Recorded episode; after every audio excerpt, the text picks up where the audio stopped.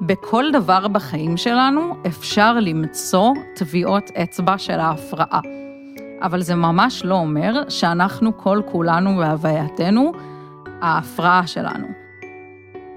היוש וברוכה הבאה לפודקאסט שלי, מדברות נפש. פודקאסט שהמטרה העליונה שלו היא להעלות מודעות לעולם בריאות הנפש, לנרמל אותו, לנפץ סטיגמות ולגרום לך להבין שאת ממש לא לבד. אני אביב בר-און, אני בעלת העסק ספרינגס קריאייטיב לליווי עצמאיות בסושיאל, ואני מתמודדת נפש בעצמי.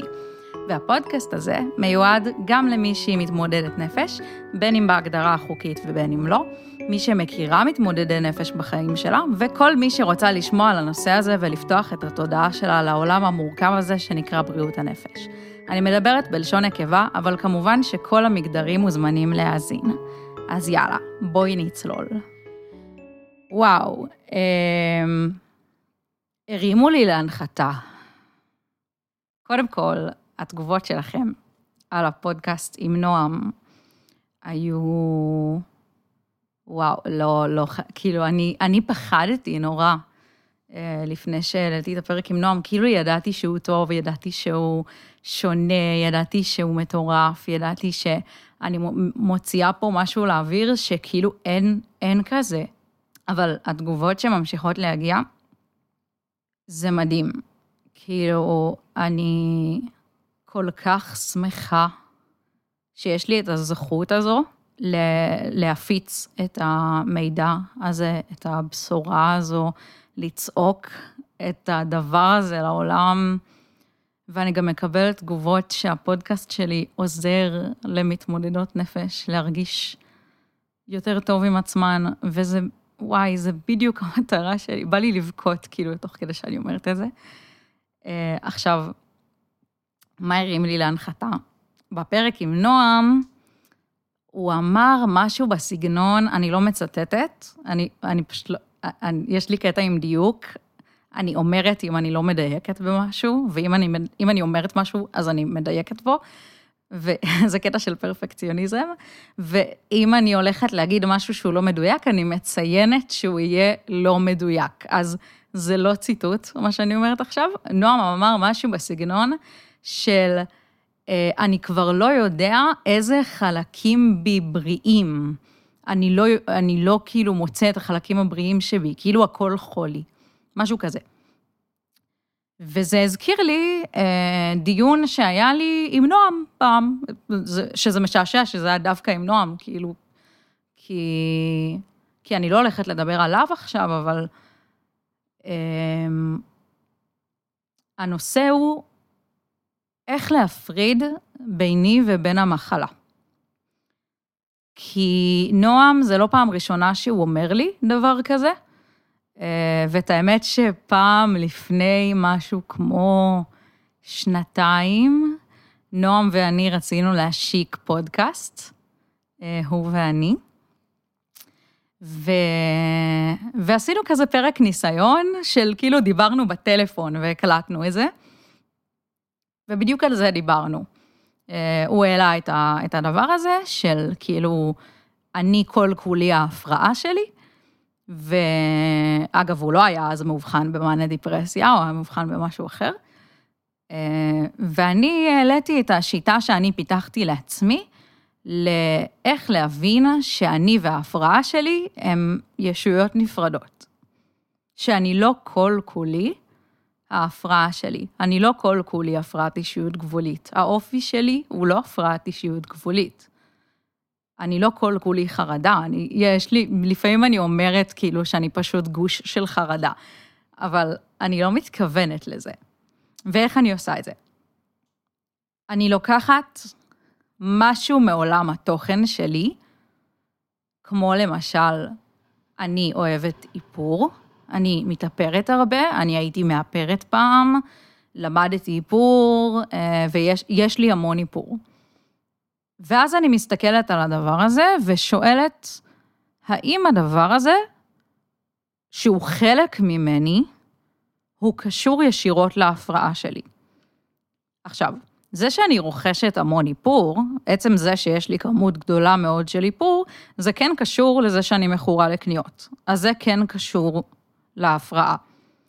אבל עצם האהבה שלי לאיפור הוא לא חלק מההפרעה. איך זה התחיל? זה התחיל בגיל 11, כשקיבלתי מאימא שלי במתנה אמ, פלטה כזאת עם אה, תשע צלליות ופודרה וסומק ושלושה אודמים עם כזה מברשת לשים אותם.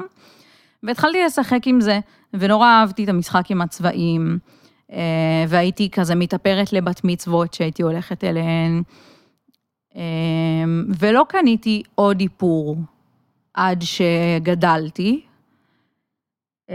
וזה בעצם כמו שאפשר לשמוע, זה לא קשור להתמכרות שלי, ולא חיפשתי שזה יהיה מושלם, פשוט שיחקתי עם הצבעים, אז זה לא קשור לפרפקציוניזם שלי, כי אם תסתכלו על תמונות, זה ממש לא היה מושלם. אה, ואני יכולה להמשיך ככה על כל התסמינים שלי, ולבדוק האם לאיפור יש קשר לתסמינים האלה, וכבר אנחנו יכולים להסיק שה... העובדה שיש לי תחביב האיפור, שהוא לא נובע מתוך ההפרעה שלי, זה אומר שיש חלק באופי שלי שהוא לא קשור להפרעה שלי, וכבר מהדבר הזה אנחנו יכולות להסיק שאני לא כל כולי ההפרעה שלי. ואפשר להמשיך עם עוד דוגמאות. למשל, לונה, הכלבה שלי, היא חלק ממני. האם האהבה שלי אליה קשורה לחלק הפחות בריא שלי? לא. כאילו, יש חלקים שכן. מהיום שהיא נולדה, אני מפחדת מהיום שהיא תמות, שזה כבר חרדה וחרדת נטישה וטראומה מהכלב הקודם שלי שנפטר. אבל אהבה לכלבים היא לא משהו שהוא לא בריא, הוא דווקא משהו מאוד בריא וטהור. ומה שאני מנסה להגיד זה ש... בכל דבר בחיים שלנו אפשר למצוא טביעות אצבע של ההפרעה. אבל זה ממש לא אומר שאנחנו כל כולנו בהווייתנו ההפרעה שלנו. יש לנו אופי, יש לנו חברים, יש לנו משפחה, יש לנו תחביבים, וכמובן שיש לנו הרגלים וכדומה שקשורים להפרעה או נובעים מההפרעה, אבל יש הרבה אני מחוץ להפרעה. עוד משהו שאפשר ללכת עליו חוץ מתחביבים זה למשל תכונות אופי. כן, זה שאני פרפקציוניסטית, זה קשור להפרעה שלי. זה שאני דעתנית, אולי כשאני קיצונית בדעות שלי, אז אולי זה קשור להפרעה שלי, כי להפרעת אישיות גבולית יש נטייה להיות מאוד שחור או לבן, אבל עצם זה שאני אדם עם דעות, זה לא קשור לזה שיש לי הפרעה, לכל בן אדם יש דעות, וגם אדם שהוא אה, במרכאות בריא, כלומר שאין לו הפרעה, גם הוא יכול להיות דעתן, וזה לא קשור. ועכשיו אני רגע אסביר מה ההבדל בין תכונת אופי לבין הפרעה, או בין בעיה לבין הפרעה. מה הקו הזה שמפריד בין בן אדם שהוא פרפקציוניסט, לבן אדם שהוא פרפקציוניסט, שזה כבר חלק מהפרעה מאובחנת. גם אם היא לא מאובחנת, אבל כאילו, נראה לי שהבנתם את מה שאני מנסה להעביר פה.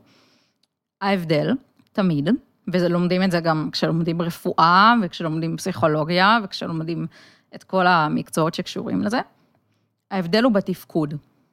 קריטריון סף שיש להפרעות נפשיות ולמחלות נפש, זה שהדבר הזה, מה שזה לא יהיה, בין אם זה לא לצאת מהמיטה, או להיות פרפקציוניסט, או לבדוק כמה פעמים שאתה נועל את הדלת, או מאוד לאהוב צמחים, או כל מיני דברים.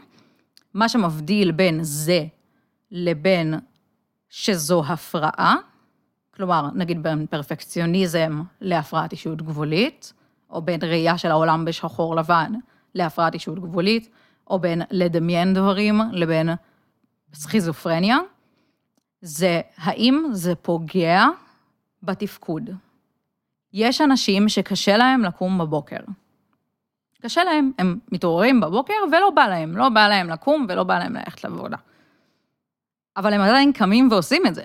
וגם אם לא, אז אחרי יום, יומיים, שלושה, הם יקומו ויעשו את זה. ובן אדם שהוא בדיכאון, לא יקום ויעשה את זה, כי הוא לא יכול, וזה פוגע לו בתפקוד. ואני יכולה נגיד להיות ממש ממש פחדנית, אבל שזה לא יהיה חרדה. אני יכולה להיות אדם שקופץ כל פעם שיש איזשהו רעש, אבל עד שזה לא מגיע למצב שאני לא יכולה ללכת לעבודה, או לא יכולה לעלות על מטוס, או לא יכולה אה, לנהוג, או לא יכולה כל מיני דברים שיכולים לקרות, עד שזה לא מגיע לרמה שזה מפריע לי לתפקד בחיי היום-יום שלי, זה לא יהיה הפרעה. עכשיו, אני לא באה להקטין אנשים שיש להם פחדים, זו ממש ממש לא המטרה שלי. פשוט הרבה אנשים שואלים אותי, רגע, אבל גם אני פרפקציוניסט, אבל גם אני מאוד מאה או אפס, אבל גם אני מפחד מהרבה דברים, גם לי יש חרדות. להר... לכולם יש חרדות, יש פשוט המון הבדל בין דברים נקודתיים לבין הפרעה שהיא כרונית ושהיא פוגעת בתפקוד של בן אדם, ולמשל אצלי, התופעת לוואי של החרדות שלי, בדרך כלל היא דיכאון.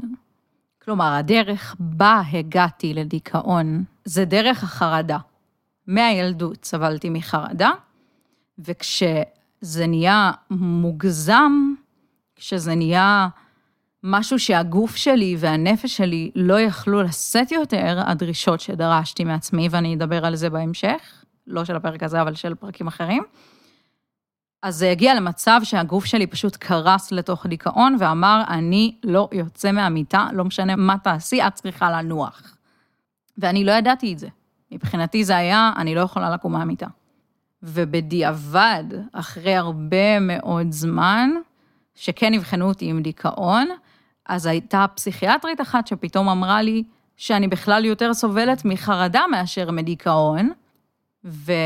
והתחילה להסביר לי את כל הדברים האלה, וככה נכנסתי לעולם הזה, כאילו זה היה לפני גיל 18 והייתי במרפאה אה, של מבוגרים, כי הכניסו אותי במיוחד, וגם זה סיפור שאני אספר בהמשך, אבל בעצם דיכאון יכול להיות גם הפרעה בפני עצמה, וגם תופעת לוואי של הפרעה אחרת.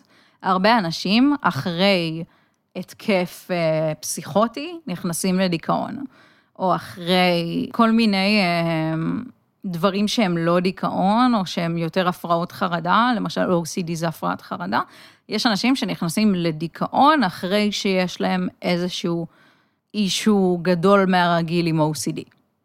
אבל זה גם יכול להיות הפרעה בפני עצמה. כאילו, יש אנשים שהם רק במרכאות, במרכאות, בדיכאון, כלומר שיש להם הפרעה של דיכאון ואין להם עוד הפרעות. אבל בדרך כלל זה בא באיזושהי חבילה מקסימה כזאת שהיקום מסדר לנו. אה, ולי יש כמה וכמה הפרעות ב... ברזומה, נקרא לזה. אז בעצם ניסיתי להבהיר שגם יש הבדל ביני ובין ההפרעה שלי, וגם יש הבדל בין תכונות אופי שיש לי ובין הפרעה באופן כללי, וכשאני אומרת לי, אני לא מתכוונת אליי, אני מתכוונת כאילו כולם. אז בעצם גם אפשר להבדיל בין תכונות אופי שהן מאוד קיצוניות, ובין הפרעה נפשית, כלומר יש גבול בין, בין שני הדברים האלה, וגם בתוך ההפרעה יש גבול ביני ובין התכונות אופי האלה שהן ההפרעה. זה בעצם מה שניסיתי להעביר פה. אז אני מקווה שהשיטה הזאת להפרדה ביניכם ובין ההפרעה שלכם אה, עזרה לכם, או תעזור לכם בעתיד. אני מקווה שנהנתן לשמוע את הפודקאסט הזה, אני מקווה ש... שאתן אוהבות את הפודקאסט הזה, ושתעשו לי טובה ותדרגו אותו בכמה כוכבים שתרצו, ואם תרצו להשאיר אה, ביקורת בפודקאסט עצמו, או לשלוח לי אה, באינסטגרם או בוואטסאפ, אה, מה שתרצו, אני ממש ממש אשמח, כי זה עוזר להפיץ את הדבר הזה, שאני כל כך כל כך גאה בו, כל כך כל כך שמחה שהוא קיים לרמה שאני לא יודעת אם, כאילו, אני לא יודעת אם זה מובן, שזו פשוט הגשמת חלום עבורי, הדבר הזה. אז אני מקווה שנתרמתן ונהנתן, ו... ואנחנו נתראה בפרקים הבאים. יש לי כמה אורחות ואורחים מתוכננים להמשך על נושאים סופר, סופר, סופר מעניינים. אז uh, יש פרק כל יום ראשון בשעה שש בבוקר, ונתראה בפרק הבא.